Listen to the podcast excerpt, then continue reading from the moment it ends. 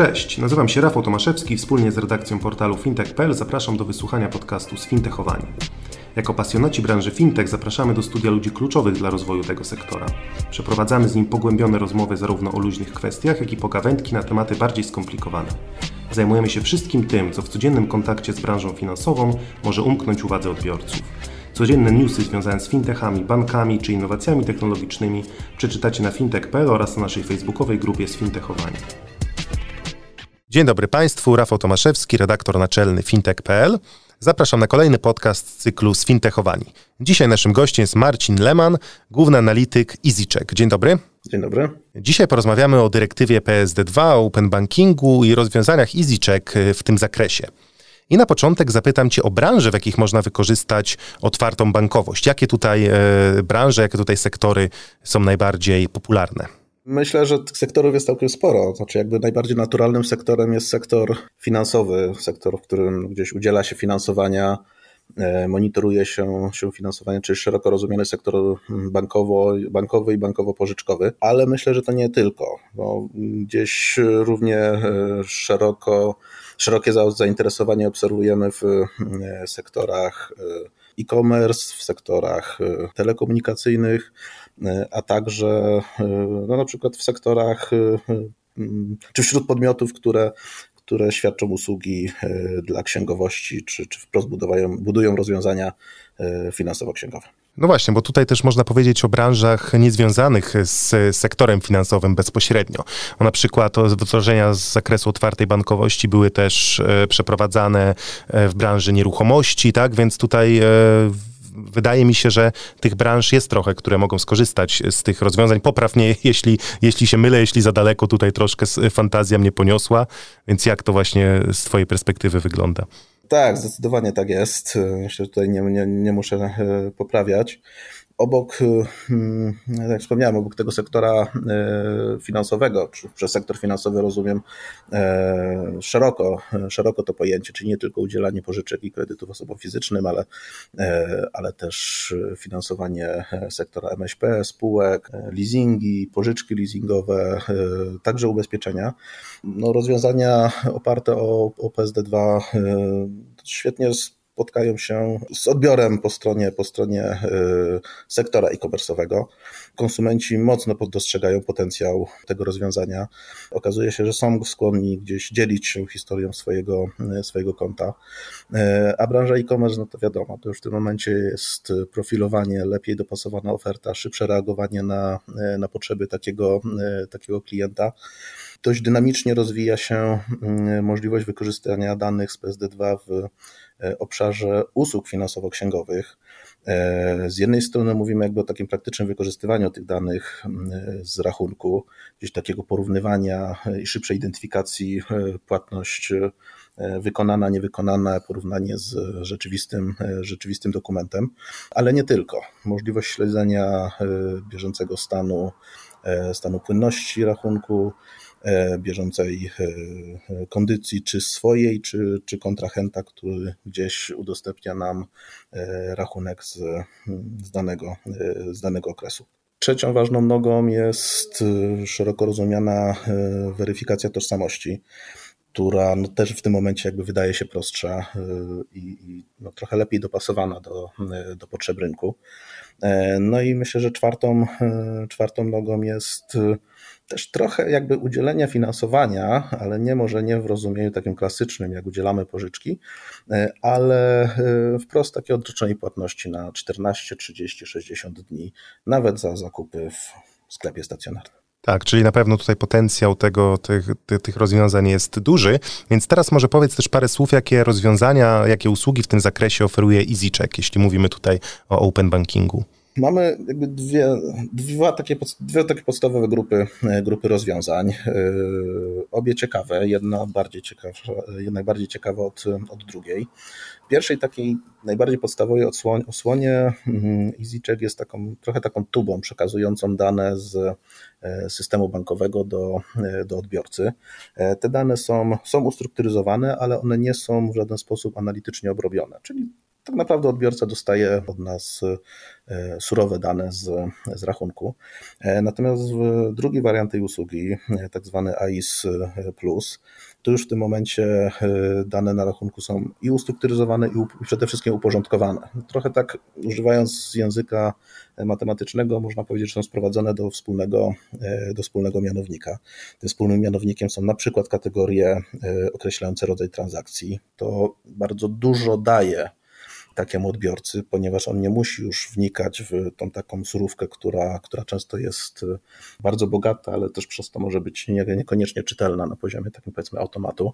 Kategorie pozwalają jakby już wyfiltrować przynajmniej te operacje, którymi jesteśmy E, jesteśmy zainteresowani. E, w ramach Plusa można wyodrębnić cechę użytkownika, e, cechy rachunku, poznać jaka jest jego sytuacja mieszkaniowa, czy posiada dzieci, czy, czy nie posiada. Z punktu widzenia raz jeszcze biznesu pożyczkowego, w przypadku osoby, oceny osoby fizycznej, no można poznać, czy jak często otrzymuje, e, otrzymuje wynagrodzenie i czy po drugiej stronie jest jeden kontrahent, czy, czy kilka przedmiotów przelewających. E, w przypadku klienta e, biznesowego to w tym momencie jakby wchodzi całe zarządzanie i obserwacja ryzyka, ryzyka koncentracji.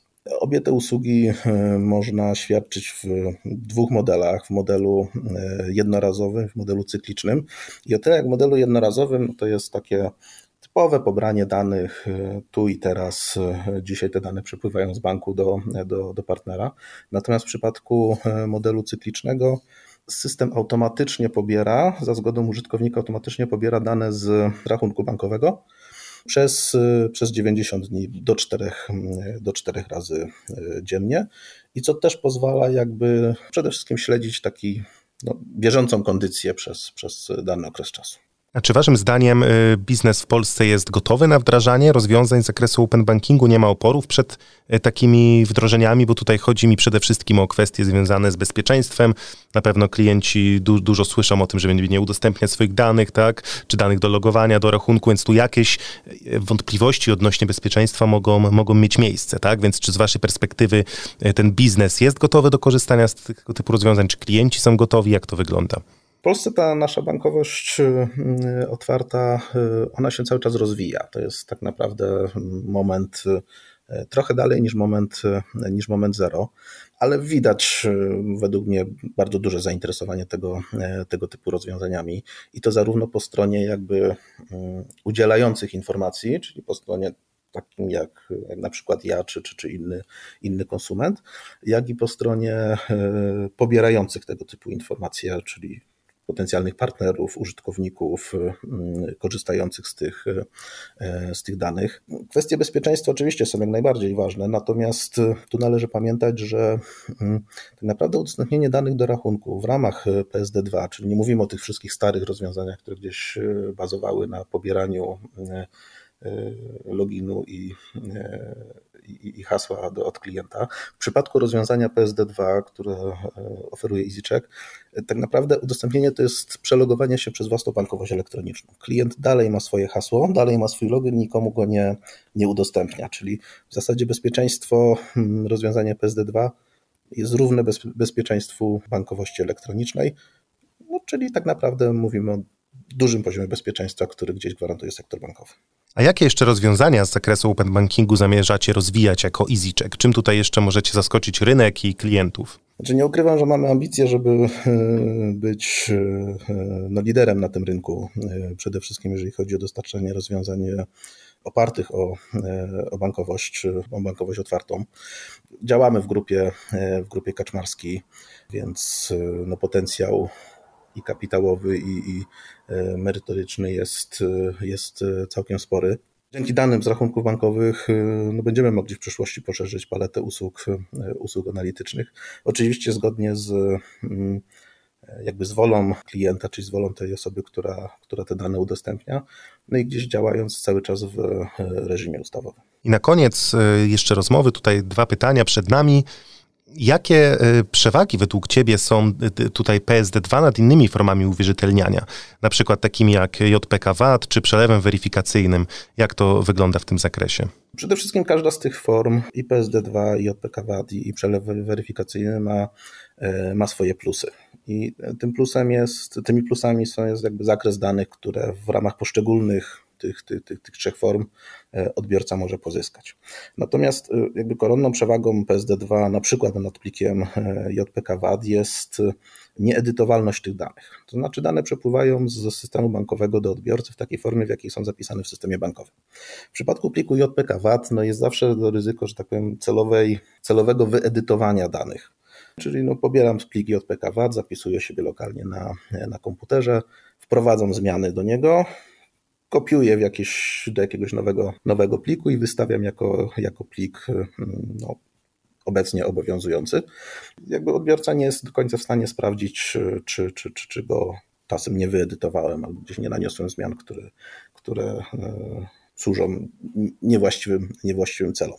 Natomiast przelew weryfikacyjny y, też jest dosyć popularny na dzień dzisiejszy y, i bardzo często stosowany. Natomiast za pośrednictwem przelewu weryfikacyjnego nie sprawdzimy, czy rachunek, który, z którego został puszczony ten przelew, jest rachunkiem żywym, czy nie jest czasem rachunkiem, jak to się mówi, martwym, na którym się znajdują dwie transakcje i w dodatku rachunek jest otwarty trzy miesiące, na przykład trzy miesiące temu, bez, bez istotnych operacji, e, czy kartowych, czy, czy, czy, czy, czy przelewowych. Jednak dzięki danym z, z PSD2 mamy obraz rachunku, czyli no, z jednej strony wiemy, do kogo ten rachunek należy, ale też potrafimy ocenić, czy to jest taki rachunek codzienny, czy jak to mówi się, chwilowy. No właśnie, czyli tutaj są na pewno istotne różnice pomiędzy e, tymi rozwiązaniami. I teraz na koniec, e, tak już w ramach podsumowania, zapytam Cię, w jakim stopniu PSD2 może pomóc w walce z wyłudzeniami i fraudami? Jakie tutaj są przewagi tego rozwiązania?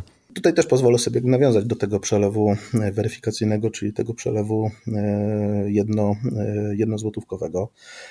Możemy sobie wyobrazić sytuację, że rachunek jest, nawet nie jest tworzony na, nawet nie dochodzi do kradzieży danych od, od użytkownika, tylko, tylko rachunek jest wprost utworzony na, na słupa. Jest tak zwanym rachunkiem hodowanym, w którym buduje się historia w rozumieniu długości trwania rachunku, czyli odpowiadając na, na pytanie, kiedy rachunek jest utworzony, no rachunek jest utworzony półtora roku temu. Natomiast nie znajdują się na nie transakcje, nie ma opłat za telefon, nie ma opłat za czynsz, nie ma opłat za kartę, nie ma wypłat z bankomatu, nie ma mm, transakcji w dyskontach, y, na stacjach benzynowych i tak dalej, i tak dalej, no to już co do zasady jakby taki, taki rachunek y, odstaje od y, szeroko rozumianej normy. I teraz no, normę możemy definiować w różny sposób, natomiast intuicja gdzieś podpowiada, że chyba z tym rachunkiem coś jest, coś jest nie tak. Więc jakby już sam zakres danych, który umożliwia nam dyrektywa PSD2 do udostępnienia odbiorcy, już pozwala mu gdzieś zacieśnić politykę fraudową i trochę opierać się na tym, czy, czy mamy do czynienia z rachunkiem wykorzystywanym w codziennym życiu, czy w codziennym prowadzeniu działalności, czy, czy nie. I myślę, że na tym możemy zakończyć naszą rozmowę. Gościem podcastu FintechPL był Marcin Leman, główny analityk EasyCheck. Dziękuję za rozmowę. Dziękuję również. Ja nazywam się Rafał Tomaszewski i zapraszam na kolejną audycję już wkrótce. Bye.